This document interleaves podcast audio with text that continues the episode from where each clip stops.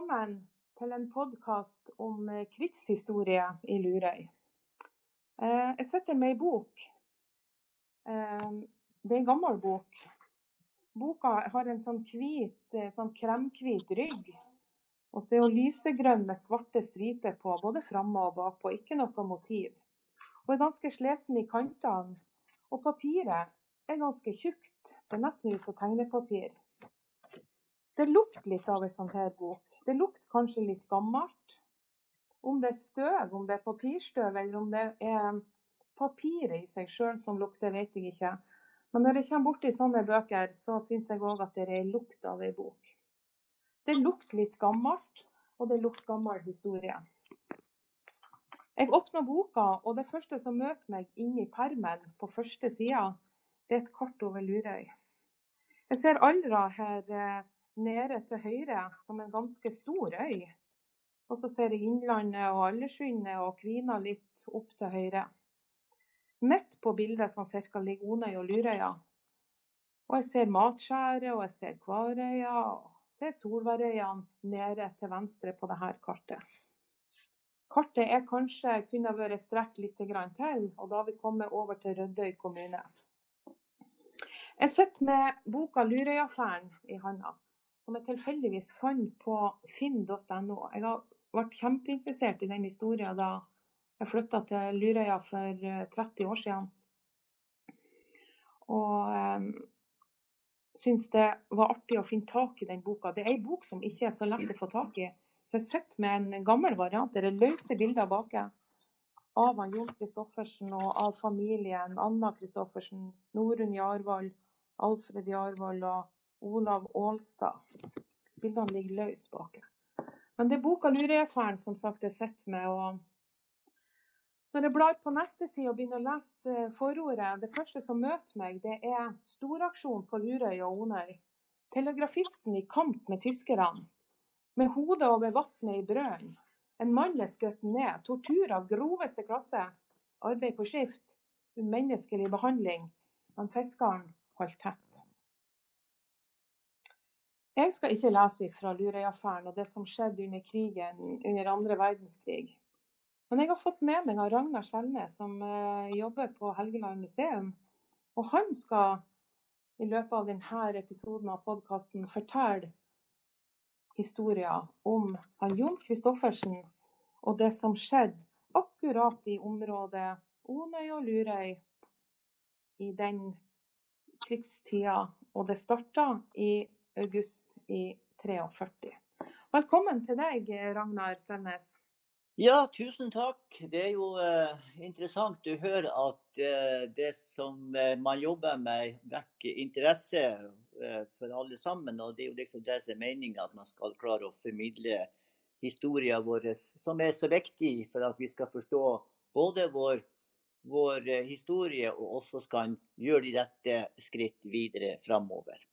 Ja. Um, vi har jo hatt um, på skole, Jeg jobber på skolen på Onøy, og vi bruker å gå en tur 8. Eh, mai og, og, og på en måte huske, huske Lurøyahoffæren litt.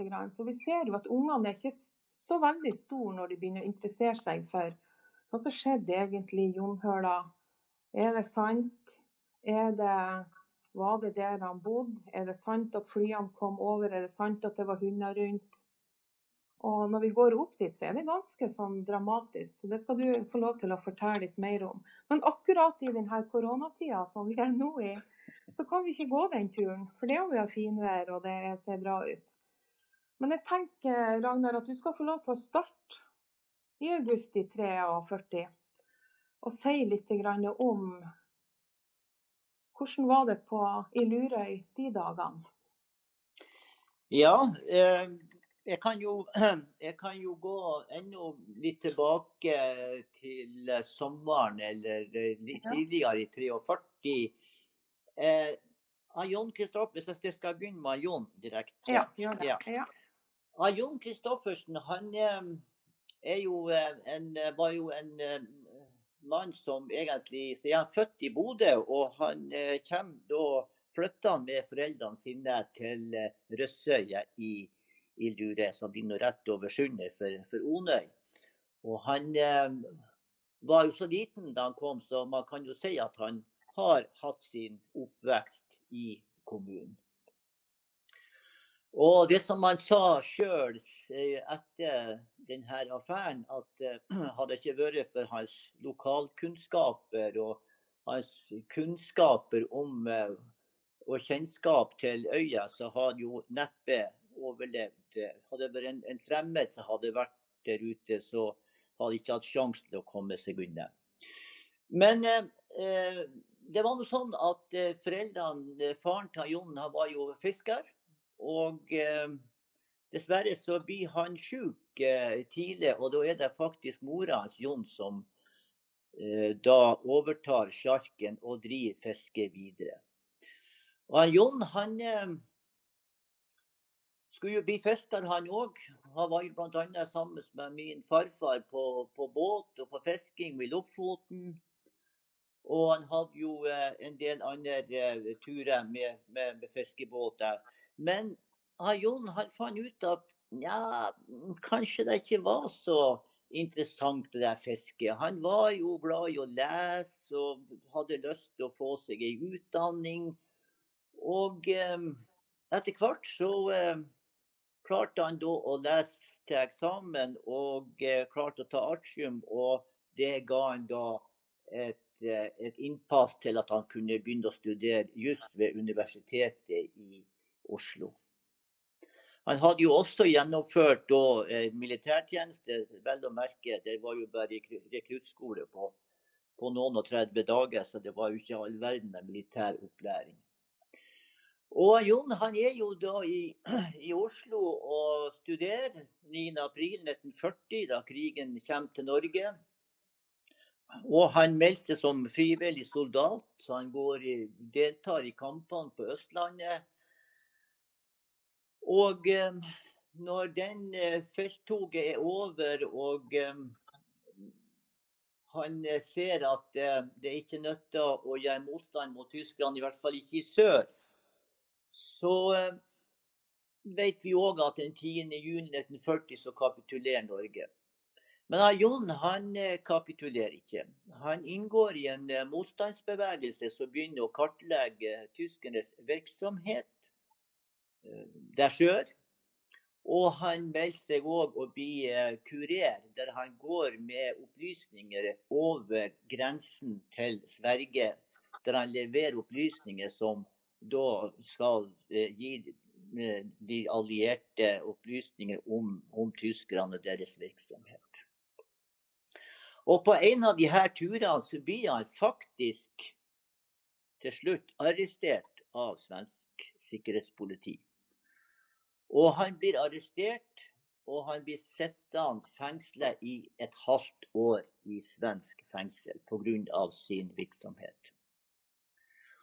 Og den dagen han Jon skal slippes fri, så har svenske myndigheter varslet det tyske Gestapo, som da var den tyske politiet i Norge, om at han Jon skal slippe fri. Og de er jo klar til å ta imot han på norsk side av grensen. Men før man kommer så langt, så greier Jon å stikke seg bort etter han var sluppet fri. Og han greier å ta seg til den norske eh, legasjonen i Stockholm. Det er norske altså representanter for den norske regjeringa som er i Stockholm. Og de smugler han ut av Sverige og får han over til London. Og der blir han Jon eh, utdannet til radiotelegrafist og sabotør. Han eh, tar utdanninga, og sam, sammen med agentene og han, han Snefjellå, som skal til Renga fordi at Britisk etterretning har, opp, har, funnet ut at de vil opprette en radiostasjon på Renga og så en på Lurøy. For å overvåke tysk skipstrafikk langs leie og drive med øvrig etterretning mot tyskerne. Han, eh, Jon han blir da eh, kjent med Snefjellå. Og eh, planen er at de skal dra med ei skøyte over fra Emily fra Shetland over til Rødøy. Og eh, skøyta blir jo lasta med alt de trenger av forsyninger. Det er jo mat, og det er jo radioutstyr, og det er våpen, og det er ammunisjon og, og, alt det de trenger for å kan overleve i ei hule uten, at lokal, uten å gjøre seg til kjenne for lokalbefolkninga. For det er jo det som er essensen. at Skal du drive etterretning, og du er i fiendeland, så er det gjelder jo å holde seg skjult, så ingen skal vite at du er der. De legger ut på turen med skøyter, men eh, kommet ut i Nordsjøen så ryker det opp til et forferdelig uvær. Og um, det medfører at det blir så store skader på skøyta at hun blir lekk, og at de må gjøre vennereis tilbake til Shetland. Så begynner man å se på hva vi skal gjøre nå. Vi må jo få agentene over før det blir sommer og lyst. Og da ender jeg jo da opp med at eh, de blir sendt med Catalina-fly over Nordsjøen og til norskekysten. Og der kommer de jo både til Renga, de som skal dit, og Aion får et eget fly med utstyr.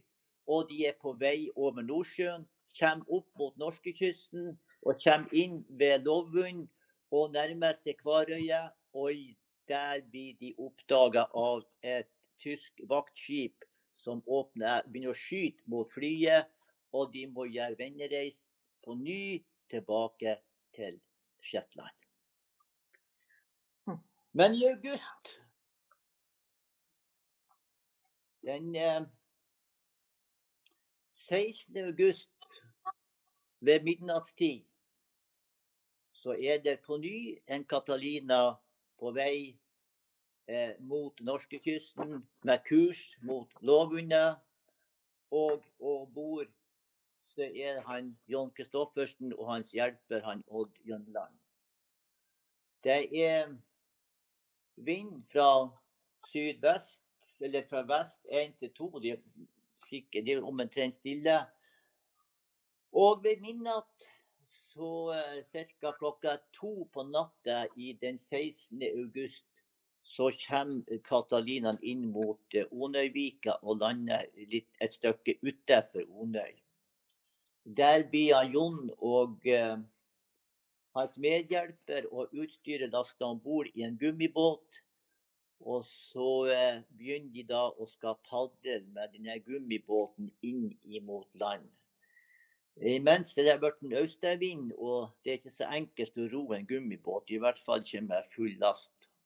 Så det blir et blodslit for å komme seg fram til nærmeste holme. Og der ror de opp i fjæra, og Jon han er så sliten at han bare legger seg på rygg i fjæra og, og trekker etter pusten så godt han kan, for han var helt utslitt. Men ferden fortsetter, og de kommer seg på østsida av Røsøya. Der kamuflerer de gummibåten. og han Hjelperen han blir jo igjen og passer på, mens han Jon går hjem til foreldrene sine som bor på østsida av Røssøya, altså imot Onøya. Og plutselig så står han i kjøkkenet hos mora. Kan dere tenke dere for en overraskelse å plutselig se at sønnen står i huset midt på kjøkkengulvet. Han Jon han er nå hjemme hos mora utover dagen. Og når kvelden kommer, så eh, i august på denne tida så begynte det å bli mørkt om kveldene. Da vender han tilbake til gummibåten og sin hjelper, og da har han med seg en pakke med, med fisk. da. Og eh, De går om bord i gummibåten, og så begynner de å padle videre. Og Da skal de altså på yttersida eh, til Borchgrevika, som eh, dere kjenner til. Underveis så blir det her vesterværet det øker på. Det begynner å regne, og det begynner å bli sjø. Det blir sterk strøm.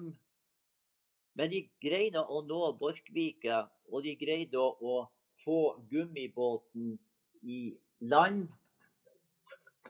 Der de eh, da drar den opp i, i fjæra for å få, den eh, liksom gjemt unna. Og så eh, kamuflerer de med tang og tar noe med seg radioutstyret ut av båten, for det er de redd for at det skal bli ødelagt. Og så gir de seg opp i Borchgrevink-uret, og der finner de den, den helleren som dere kjenner til. Og der plasserer de radioen. Men de kan ikke bli der. Men Jon han vet jo det at det er ei hytte oppe på fjellet. Og eh, dit går de da for å søke ly for uværet. Vet du noe om den hytta, Ragnar? Ja, den, den hytta er jo reven. Og vi har jo leita etter henne i dag, og vi finner jo ingen rester, verken av grunnmurer eller noen ting. Nei. Så eh, Men du vet, ja, men du, du vet ikke hvor, hvor hun lå? ja, jeg, nei, jeg vet hun lå med de vannene der oppe, for det var jo det de brukte å gå på skøyter på vinteren når det var Ja, og det, det fjellvannet der. Ja, ja, Mhm. Men jeg vet Mhm. ikke akkurat, vi har prøvd å sett mange ganger og tenkt på det omtrent. For det var jo ei hytte som han han Jarvoll eh, hadde bygd, hadde vært med på å bygd. Mm. ja. Eh, de drar opp i hytta, og eh, der må de oppholde seg i to døgn pga. Ja, uvær. Men eh, etter to døgn så letter været, og det første de gjør, det er jo å, å, å dra ned til fjæra igjen, og så skal ta vare på gummibåten og utstyret. Og så kommer de dit, og så er båten borte. Og de leter, og de leter. De leter over et døgn etter den gummibåten, men han var borte. Og da er jo alle gode råd temmelig dyr. For hva skal de gjøre uten, eh, uten utstyret sitt? De kan jo ikke leve der uten å ha verken telt eller varme eller mat. Ingenting. Og eh, da må jo bare, som jeg sa tidligere, poenget med å ha agenter skjult, det, det poenget er jo nå borte. Og de må altså søke hjelp på Onøya for å kan få utført sitt oppdrag. Og eh, som sagt, han Jon han kjenner jo han Jarvold som hadde butikken på Onøya. Og han må jo bare ta kontakt med han, fortelle sin historie og, og be om at de, han må få hjelp til å, eh, å, med, med forsyninger, sånn at de kan få komme i gang med arbeidet sitt. Og han, eh, Alfred Jarvold han eh, har da kontakt med en som heter Arnfinn Svendsen, og de begynner å organisere og hjelpe aksjonen med forsyninger. Så plasserer de forsyningene i hytte oppe på fjellet, og så er det han Jon og, og, og han hjelperen er da der oppe og henter forsyningene og bringer dem ned til, til hølet, til Jonhølet, eh, der de hadde etablert seg med, med, med, med utstyret sitt. Det vil si at de bodde der, men vaktholdet for å skulle følge med trafikken, det måtte de jo gå opp over dalen og så opp på østsida, sånn at du fikk utsikt over leia og inn mot Selnes og, og festninger på Grønsvika. For det var jo òg en, en del at de skulle følge, følge med. Du, kan du si litt om hvordan, eh, hvordan bygda Onøy og Lurøy er på denne tida? Er det, er det trygt for dem å, å engasjere seg med folk eh, i den tjenesten som de holder på med? aldri, Kjenner de seg trygge, tror du? det er jo aldri trygt å etablere seg eh, og, og blande inn eh, sivile uten erfaring, uten noen slags kunnskaper i sånn type arbeid. Det er, det er, en, eh, det er en, kan jeg si, en katastrofal handling. Fordi at eh, når en aksjon skjer, hvis det her blir oppdaga, så er det jo på en masse sivile mennesker som uskyldig blir dratt inn i et arbeid som er livsfarlig for de sjøl. Altså livsfarlig for de som blir dratt inn. Og One Lure var jo Kan du si litt grann om ja. Kan du si litt om hvordan Onøy og Lurøy var ja, på vi, den tida? Det er klart at Onøy, og? Lurøy var nok ikke så mye forskjellig fra mange andre plasser. Det var, nok ikke noe, det var vel få som var tyskvennlige, for å si det sånn. Eh, Det var nok ikke det som var problemet, at det var så mange tyskvennlige der. At det var noe fare. Og, og folk var jo, de, de levde jo av, av gård og grunn, som vi sier. eh, vi skal huske på at eh, på denne tida så gikk jo 40 av det som var produsert i Norge av mat og forsyninger, det gikk til tyskerne eller til tysk krigsindustri. Og, eh, og, men heldigheten var det at på kysten så, folk, så levde folk av det de kaller for vekselbruk. Det var at man hadde eh, fisk, man hadde båten, man fiska, og man hadde ei ku eller to, og man hadde noen sauer og noen høns. Sånn at det her forsyningene med egg, melk, eh, fisk og kjøtt var eh, Den ba- basicen, den, den var der. Altså, de hadde det. Det sto mye verre til med folk som bodde på andre plasser inni landet. Enn ungene, hvordan tror du ungene hadde det under krigen? Hvis du kan ta en sånn, ikke spesielt på Onøya, men hvordan tenkte du at det var, var Du barn og si at, kan si at at som barn og ungdom så, så fikk du jo du, du, eh, du fikk jo klær altså det, Klærne ble jo brukt og velbrukt etter hvert. Og du kan si at eh, garderobe mors eller bestefar eller eh, bestemor sin garderobe fikk nytt liv. Og, Ja, og, var og her ble klærne utnyttet, eller at du kunne se en, en, en annonse i, i avis der det sto at pent brukt brudekjole, brukt én gang, eh, mot ett kilo flesk. Ja. Så sånn fikk de tilgang til, Ja, ja. Mm. Og så var det selvfølgelig Ja. spinning. det var jo ulla. Hadde du sauer, så klippet du ulla, og da, og da spann du og kunne streke både genser og, og ullester, og ullhuver og, og votter og lugger og ull, ullunderklær. Mm. Så vanlig at du ikke du frøs ikke så alminnelig bra kledd, vil jeg nok tro i, i, i den sammenhengen. Mm. Ja. Ja, det er jo kjempespennende det du forteller. Og så regner jeg med at det skjer ting når at uh, du har, du har uh, her er dramatikk når at det begynner å, å, å tette til litt rundt hodet på Ja. dem. Ja da, og uh, det, det gjør det. Og um, oppdraget, oppdraget er jo som sagt å, å følge med skipstrafikken og rapportere om, om tyske bevegelser i området. Og den eh, 10. eller 4. oktober så skjer det noe dramatisk. Eh, eh, det er en fin, eh, klar eh, høstdag. Stille og fint. Og om morgenen så, så den som da har vakt oppe på Onefjellet, han ser jo at det kommer en masse fly innover fra forskjellige retninger innover land. Noen fra sørover, noen fra nordover, noen fra østover. Og da viste det seg da at det er eh, fly fra et amerikansk hangarskip som er kommet opp imot Helgelandskysten, og som nå iverksetter et angrep imot skipsfarten mellom Sandnessjøen og Bodø.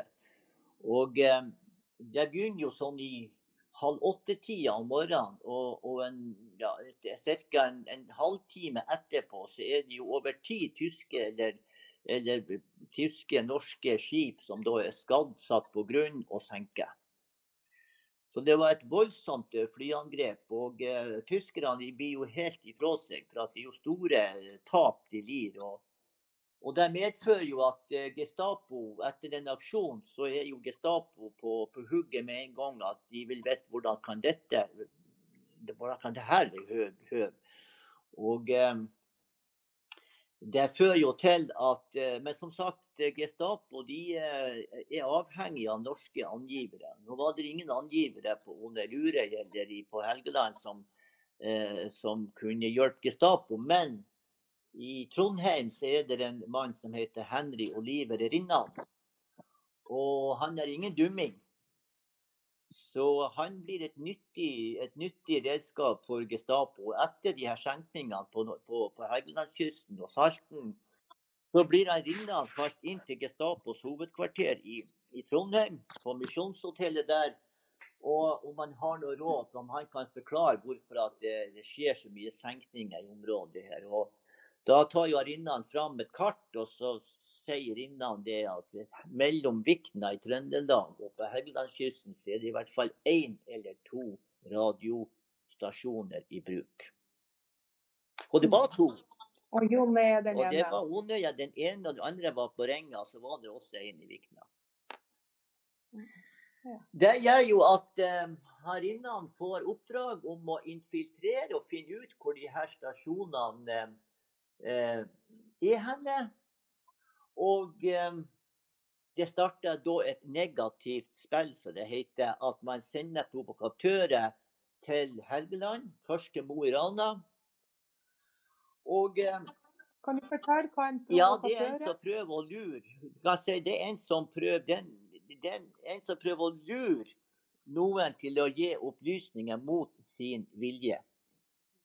Altså Hvis jeg eh, spiller et falskspill, hvis jeg er en, en, kan godt si at jeg er en, en, en tyv, så prøver jeg å innbille Så prøver jeg å, å, å finne ut hvordan jeg skal greie å stjele et eller annet fra den, den handelsmannen. Bare med å, å, prate, prate med han og få han til å bli min kompis. Og etterpå så går jeg og stjeler i butikken hans. Og da er Ja. du provokatør. Ja, Eh, mm, fint. Det er en en Dolmen. Han blir da sendt nordover til Mo i Rana. Og eh, han greier da å innbille, seg, folk der at han er stor motstandsmann mot tyskerne, og han vil etablere en radiostasjon på Helgelandskysten. Og han spiller altså en alliert. Det gjør at han får tak i ei liste på over folk som er mot tyskerne. Og blant annet er det da et navn som viser at den som heter Plein, som bor på Onøya. Og det gjør jo at uh, han Dolmen han setter jo kursen selvfølgelig til Onøy. Og treffer han Pleim, Og greier å innbille Pleim at han er motstandsmann, og at han vil hjelpe de allierte for at de skal foreta en invasjon på Helgelandskysten. Mm. Så han er ute etter Han, lure det er regelrett lureri. En falsk spiller, ja. Og etter en tid så um, så greier jo eh, han å få kontakt som sagt med han Blei, man får kontakt med han Jarvoll. Går rundt der på Onøya og er virkelig kompis og virkelig hyggelig mann og gjør alt han kan for å innynne seg. Men han, han får ikke så mye opplysninger, så han vender tilbake til Trondheim igjen og han avlegger en rapport. Eh, Men får beskjed om at han skal reise tilbake igjen. Men i mellomtida så blir han skutt og såra av en annen norsk motstandsmann i Trondheim. Så, så eh, arbeidet på Onøya må, må utsettes ei lita stund. I mellom, Mm.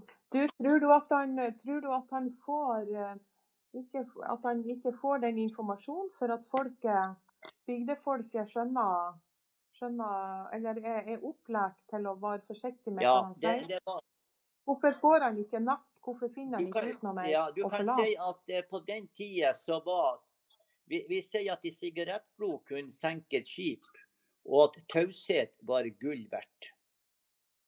Så folk Mm. var jo, det her er jo i 43, og det er jo tre år med okkupasjon, så de har jo lært seg å være litt forsiktige med fremmede som bare dukker opp og, og prater høylytt om, om, om motstandskamp og, og, og alliert landgang og alt det her. Så de, de har jo holdt litt tekst, men, men allikevel så, så var de her provokatørene veldig dyktige. Og, og sånn som han, eh, sånn så han eh, Pleim, han, han bodde jo Han flytta jo inn åt han, åt han eh, og, ja, og han, han Dolmen har flytta inn til Pleim og, og, og, og bodde nærmest på, på, på vekkesvis, og var som en kompis i huset og, og, og, prata med ungene og var på turer. Var i det hele tatt en jovial, hyggelig Mm. fyr. Ble nesten som en del av familien. Mm. Eh, Hm.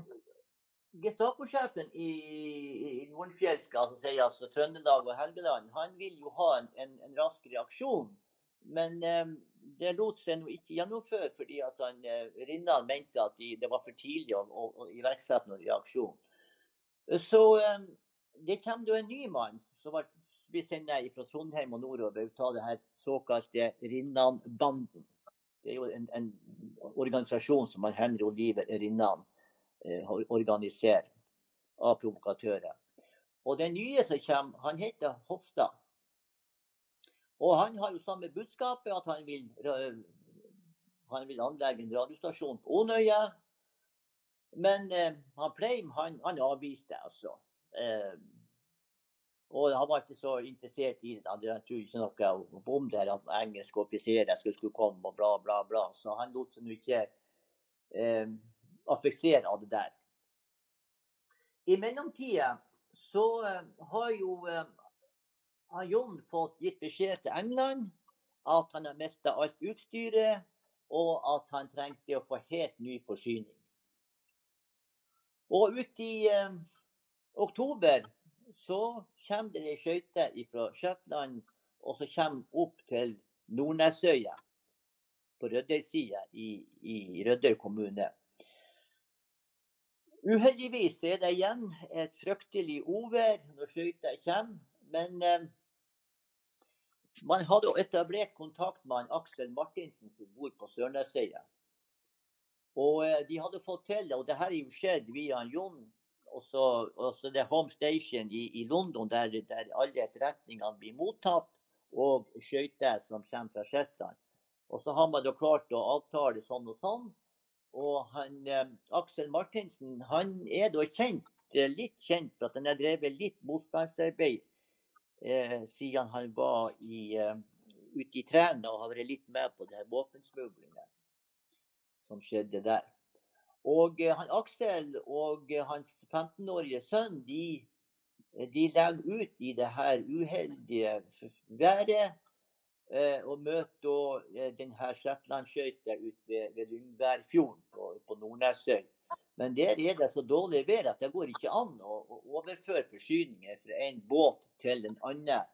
Så de må, de må, finne en plass å finne i havn og, og komme seg inn i i smul sjø. Så um, på, I Nordlandsøy så finner de havn. Der eh, får de da lasta om. I mellomtida, mens de ligger inni ei bukt der, så kommer det en tysk vaktbåt.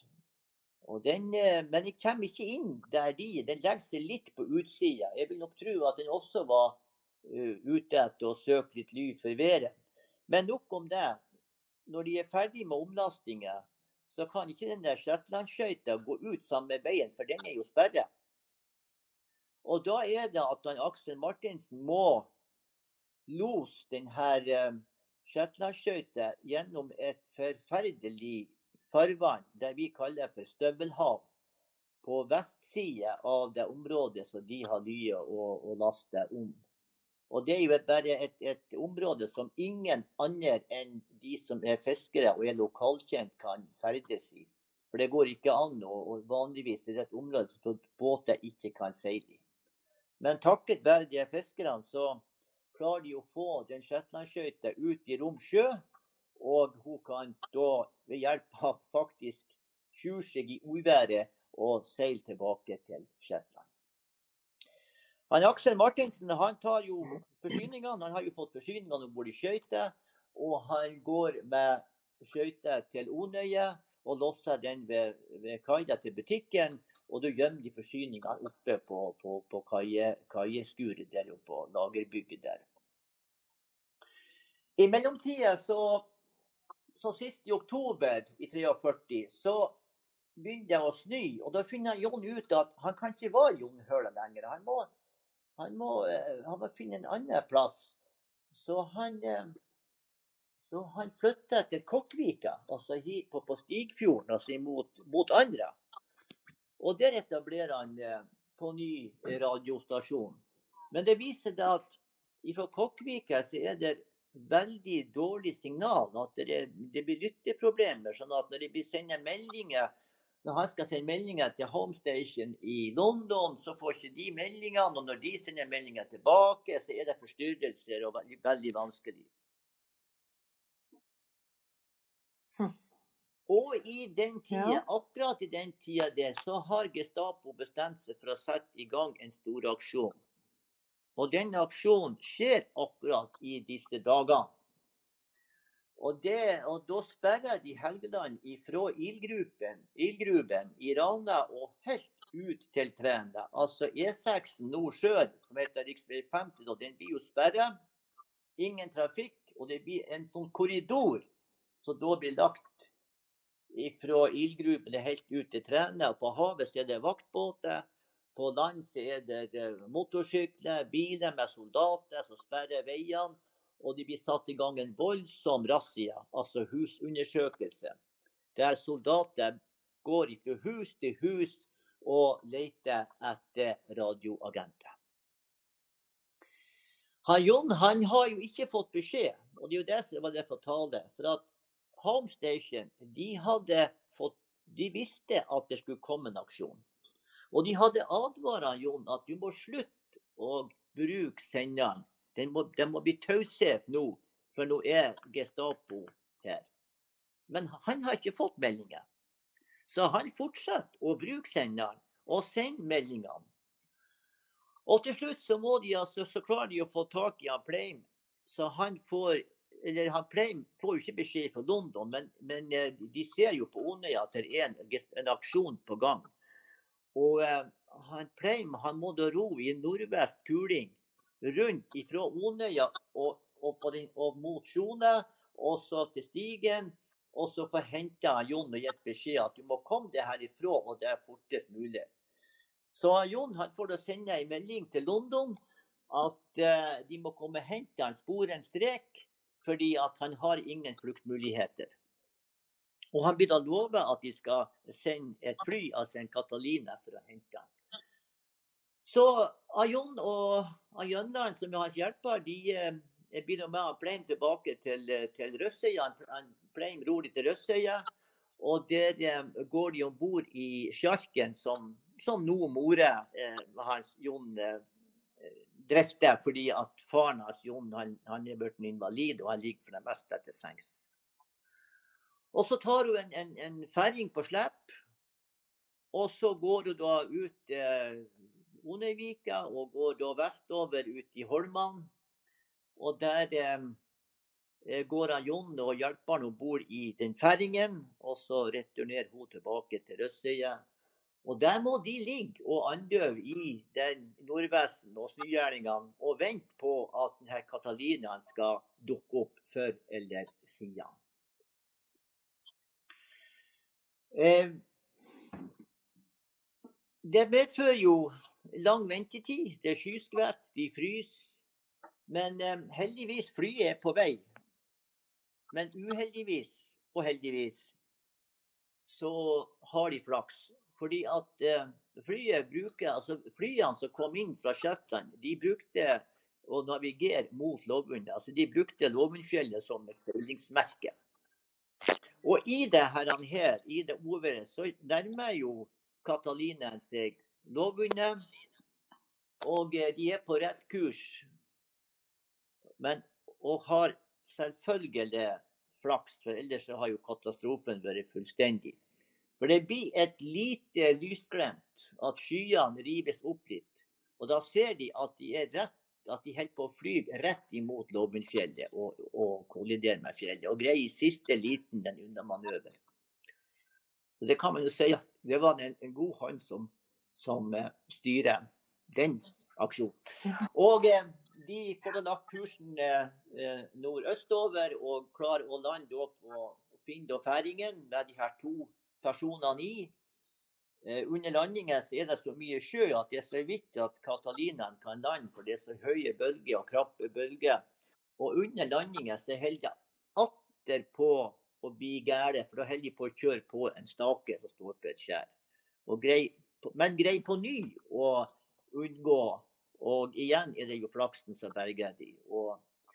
Og de får, eh, de får nå de her eh, agentene om bord i flyet og får lette. Ferringen han blir jo bare sluppet, så han drar jo til Pisis. Og når de flyr utover, kommer i luften og flyr utover Trænfjorden, så ser de at det ligger vaktbåter helt opp mot Nessøya, ut til Træna og sørover mot Dønne. Så Helgeland var jo, eh, kan man si, helt lukket pga. den razziaen. Mm. Du, de har eh, De snakker om den fluktruta til han Jon Kristoffersen. Ja. Eh, kan du si litt om den? Hvor den kom han inn i ja, bildet? Den kommer jo eh, inn på ny når han Jon vender tilbake til Onøya i, i, i 44. For det var to aksjoner. altså det her er den første aksjonen i, i november 43. Men på ny, men Jon han vender jo tilbake igjen. Ja, Og da er det en fluktrute jeg kommer inn i bildet. akkurat. Ja. Mm. ja. Mm. Så jeg kommer til den. Du kommer til den. Ja, ja. Ja. Eh, på grunn av denne lista her, som eh, han eh, som de fant på Mo, de her provokatørene, så eh, blir jo foretatt en, en rekke arrestasjoner av jurifjæringer. Og her blir også han Aksel Martinsen arrestert, som frakter forsyningene åt han Jon. Mm. Han blir eh, da sendt til eh, Sandnessjøen først. Til eh, Gestapo der, eller det feltpoliti, tyske feltpolitiet, som bare foretar en re registrering og har enkel avhøring. Og så ble han sendt til Mosjøen, eh, til Gestapo-hovedkvarteret der. Som heller ikke gjør noe annet enn å bare registrere og eh, gjøre et enkelt forhør, men ikke noe mer. Og, men etter det så blir han sendt til et fengsel i Trondheim som heter Vollan. Og der eh, sitter han noen dager, og så en kveld så kommer det en sivilkledd tysker. Og i en bil, og, og så blir han henta dit, og så blir han kjørt opp til Jonsvannsveien. Og det er jo der han Henry Oliver Rinnan bor. Mm. i Akkurat. kjeller. Ja. Og i den kjelleren så er det der Henry Oliver Rinnans fange blir avhørt. Og da starter jo selve det grufulle forhøret som, som varer i 48 timer. Men som han, eh, Rinnan sa senere under rettssaken mot han Rinnan i Trondheim i 45 Ja, men vi hadde jo pause, vi drakk jo kaffe innimellom. Ja. Nei. For det var vel det som var utgangspunktet for, eh, for at han eh, at han kan hete noe Øks, Aksel. Øksendal ja, begynte å, å skrive boka. Det var for at han leste de, de rettssakspapirene Ja. av Ja. det som foregikk egentlig der i Trondheim i den tida, ja. Mm. Ja. Og han Aksel Martinsen, han, eh, han holdt tett på, selv om det var grufulle forhør. ja. Og han ble banka, han ble slått, og han ble jo Du kan si at resultatet Han overlevde jo. Han, han sa ingenting. De fikk ingenting ut av han. Og han overlevde. Men han var jo et både psykisk og fysisk vrak resten av krigen. Altså resten av, ikke av krigen, av sin levetid. av sitt liv, ja. Mm. Ja, han var, han var ødelagt. Ja. Men de fikk ikke noe ta, så han ble jo sluppet fri. Og, og fikk jo da etter hvert komme hjem igjen, men som et vrak. Mm. Eh, Aksel Martinsen var jo òg en av hoved, eh, hovedvitnene til aktoratet under rettssaken mot han, mot han Rinnan da i, i, i 45 etter fredsslutninga. Mm. Eh, Ja, det er spennende.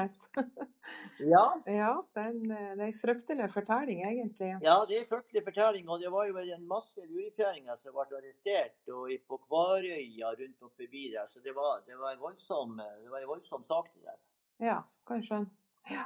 Det var det. Og det er ikke vent at man blir, blir overgitt over den behandlingen. Altså, Jon, han Jon Lyng, som vi hadde jo som eh, Han var vel minister en gang, eller var ikke han statsminister en gang i tiden. Eh, han skriver i ei bok som heter 'Forræderiets historie'. ja. Og der omskriver han altså Luria-affæren som Den var vellykket sett med tyske øyne, men han skriver òg at det var den mest ondsinne historien som Tyskland hadde greid å koke i hop. Nettopp Mm. pga. måten de opptrådte på, med provokatører som innynda seg hos familiene og liksom bodde der og var som en onkel. Ja, så sant. Ja. Gode kompiser. ja. Ja, Du må bare fortsette. Eh, her innan han fortsetter jo sitt eh, negative eh, spill. Og på Onøya så, så skjønte jo ikke folk hvorfor at det, det var jo ingen tyskere som var på Onøya den razziaen som skjedde 11.11. I, og i novemberdagene der. Alle andre plasser i Lurøy ble besøkt av, av, av tyskere og, og soldater, men ikke boende i Lurøy. Mm. Så folk begynte å lure på hva i all verden er det de driver på med.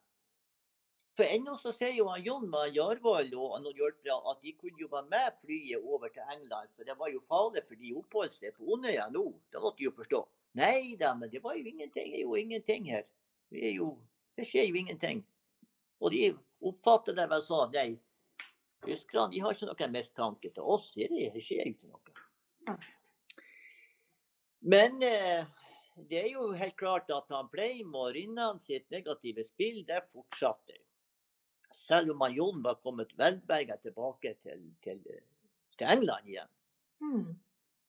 Eh, så var det jo sånn at eh, de her, eh, de her radioagentene, når de eh, kom tilbake til, til England, så, så, var det 14 dagers ferie. Ja. og da fikk de utbetalt godtgjørelser og pluss, pluss, pluss, og så ble de bare sendt rett på byen. Og det regner jeg med at de, de pengene og de godtgjørelsene de fikk, fikk bein å gå på i de 14 dagene. Før de da måtte vende tilbake til ny opplæring og trening for å, å gå ut i nytt oppdrag i Norge. Mm. Ja. Og Jon, han, eh, han er jo klar. Den 19. Eh, februar så skal han opprette en ny stasjon som heter Erna. Og det skal han gjøre på torget i Brønnøysund. Eh, så han eh, driver, går, går om bord i en båt som en sånn ubåtjager. Som han Shetlands-Larsen er skipper på. Og 11.1 så seiler de med ubåtjageren Vigra og han Leif Larsen som skipper og skal til torget i Brønnøysund. Men igjen i Nordsjøen i februar, her ryker de opp. Går de rett inn i en full storm. Og de må ligge på været i to døgn før de kan greie å karre seg tilbake til Shetland igjen. Og da hadde jo mista da hadde John fått ødelagt ei reisebeholdninga si på 10 000 kroner og en motorbåt på 23 fot som sto oppe på dekket. Det var bare stevn igjen. Så de må bare returnere. Og han må jo få nye penger. 10 000 kroner, norske kroner i 1944, det er mange penger i dag. Du kan jo bare sette til å regne om det her. Ja. Prøve å finne det ut. Ja. ja. Så 13.2 så er det et nytt forsøk. Og nye penger. Og ny rorbåt. Og eh, denne gangen så går turen fint. De kommer inn på Skrinnebanken og de nærmeste torget i, i Brønnøysund om, om kvelden. Eh, på en plass som heter Storbraken ute i Vegafjorden. Og er mm. på vei inn, men her blir de oppdaga av en eh, Først ett fly, og så et til. Og da må de bare med 25 knops fart komme seg ut av området, ut i Nordsjøen igjen og i kveldinger så setter de kurs for Trænfjorden. Eh, og eh, til slutt imot Onøya, og de kommer inn i sundet mellom Varøya og Bukkøya utfor. Ja. Mm. Og får lossa utstyret sitt. Han, Jon han eh, får jo rigge opp. Han er alene når han kommer nå. Eh, han får det rigga opp til stasjonen sin på Bukkøya og er der til i april. Men da blir stasjonen oppdaga. Eller Jon har vært hjemme hos mora, og så ser han at stasjon, det har vært folk i stasjonen. Men de har ikke funnet provianten. Og ingen mistenkte er observert. Men senere så kommer det et tysk observasjonsfly over området. Og eh, da må det vel han fant ut at her er ikke blivende lenger, så han må stikke med utstyret sitt tilbake til hula. Men provianten den må de da grave ned på forskjellige plasser på Røsøya og på Onøya. Han, eh, Jon er jo også fått beskjed fra Home Station i London at han må foreta en del reisevirksomhet i i området. Så det, Britene har interesse av å høre hva som foregår i, i ja, på Helgeland og i distriktet, helt fra Bodø og ned til Trondheim. nesten sånn. Så han, eh, men for å få reist på den tida, så var det jo sånn at um, Du måtte jo ha tillatelse. Du kunne bevege deg fritt i, innen fem kilometers omkrets. Men skulle du til byen, og skulle du til Sandnessjøen, så var jo det var jo liksom byen på den tida pga. båtforbindelsene. Så måtte du ha, en, en, så måtte du ha tillatelse. Og du måtte medbringe pass, og du måtte ha shine. Og det gjaldt for uansett hvor du skulle reise hen i Norge. Så måtte du søke tyske myndigheter om lovligheter. Nå har jo ikke Jon noe, noe spesielt eh, lovlighet for å reise, men han allierte seg med Han kjente distrikts, distriktslegen som, i kommunen på den tida, og han bodde på Sleneset. Ja. Så han utstyrte Jon med et, eh, et, et, et sånn, eh, skrev ut at han måtte, han måtte på røntgen på sykehuset i Sandnessjøen. Ja. Sånn at han ja. ja. så at da kunne han jo i hvert fall lovlig reise. Han har jo selvfølgelig falske papirer og falskt pass og alt det her. For han, han gikk jo ikke under navnet Jon, han gikk vel under navnet Karet eller annet. Så han kunne ikke Akkurat. Ja. Mm. Og reisen til Sandnessjøen gikk jo greit nok, den. Eh, men så var det jo det at han måtte jo møte på sykehuset. Og han skulle jo i røntgen. Og da kom det på syv. Nei, så forsøkte han bare Nei, han var i orden i ryggen. Han trengte ikke det der. Jo, jo, jo. Det var, det var, det var en myndig dame som tok imot ham. Han, han var fått anvisning til røntgen, og da skulle han i røntgen. Ferdig med det. Ikke noe mer å diskutere. Nei. Så han måtte jo i røntgen. Men problemet var at når han skulle kle av seg på overkroppen, så viste det seg at han har jo pistolen, stokken, inn på ryggen bak, slik at skjeftet stikker opp. og det er klart at det her det kommer jo med på bildet. Men eh, heldigvis så han legen som skulle studere bildene, han, eh, han skjønte tegninga, så han bare destruerte bildene øyeblikkelig. Og han var ferdig med den konsultasjonen. Da, eh, men oppdraget hans Jon ut Sandnessjøen det var å kartlegge tysk skipstrafikk. Om det var mye båter som lå i havna i Sandnessjøen og, og, sånn og sånn. Og, og, mens han står oppe en haug der og, ser på det her, så kommer det en det blir noe stående en, en tysk marineoffiser og, og, og se utover fjorden og på båtene som var samla der og prata. Ja. Eh, men det gikk jo veldig bra.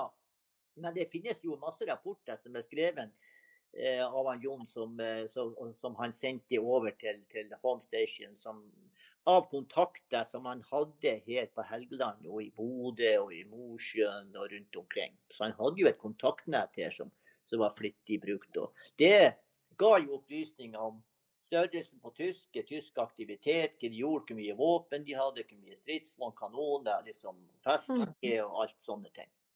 Ja. Britene er interessert i. Eh, etter hvert så, så, må Jon eh, få nye, få nye forsyninger fra England. Og det får han selvfølgelig. Han jo, man må jo ha mer parafin, for han kunne ikke brenne bål. Det var litt håpløst. De måtte jo bruke primus, og de trengte mm. for å varme opp til å ha primusen for å koke på.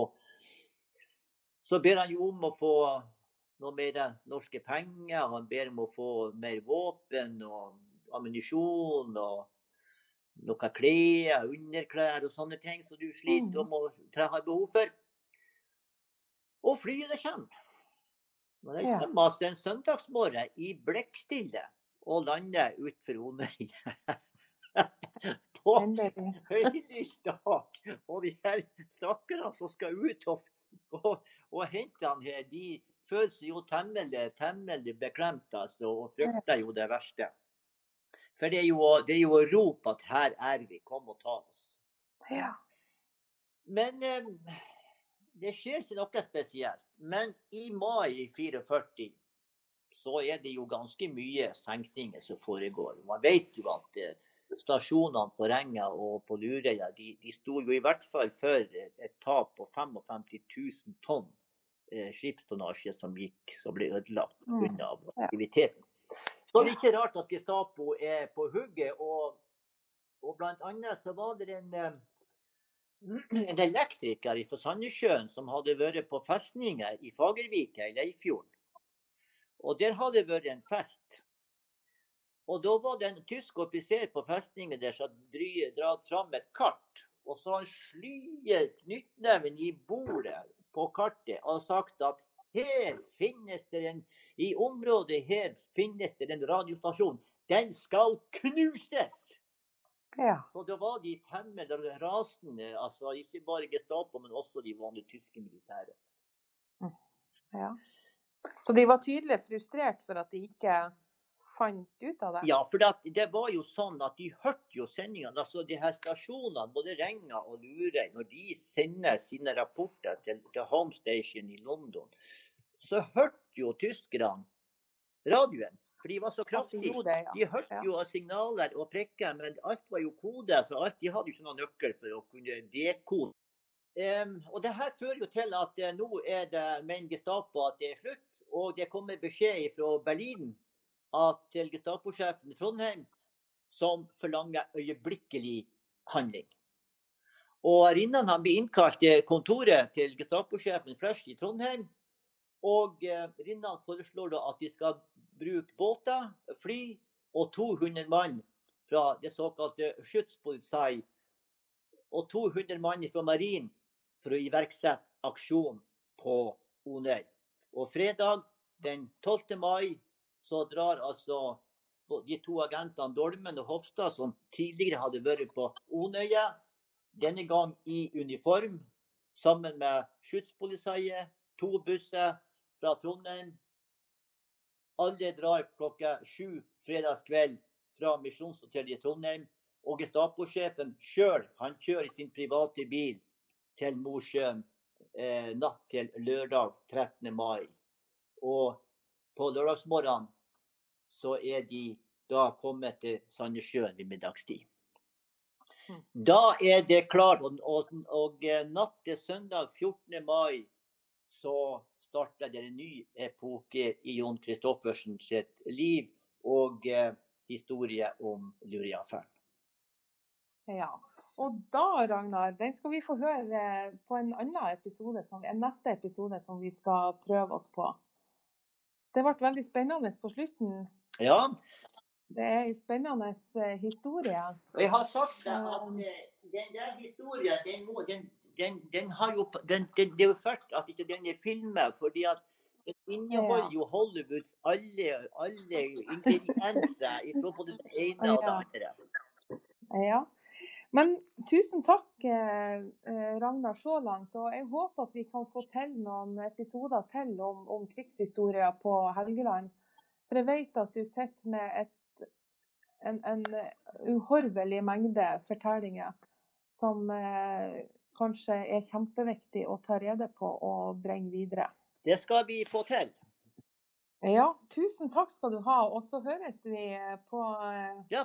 en annen, i en annen Annen episode. episode. Takk skal du ha. Yes. Ha det, Ha ha det det godt. godt, du. Hei, hei.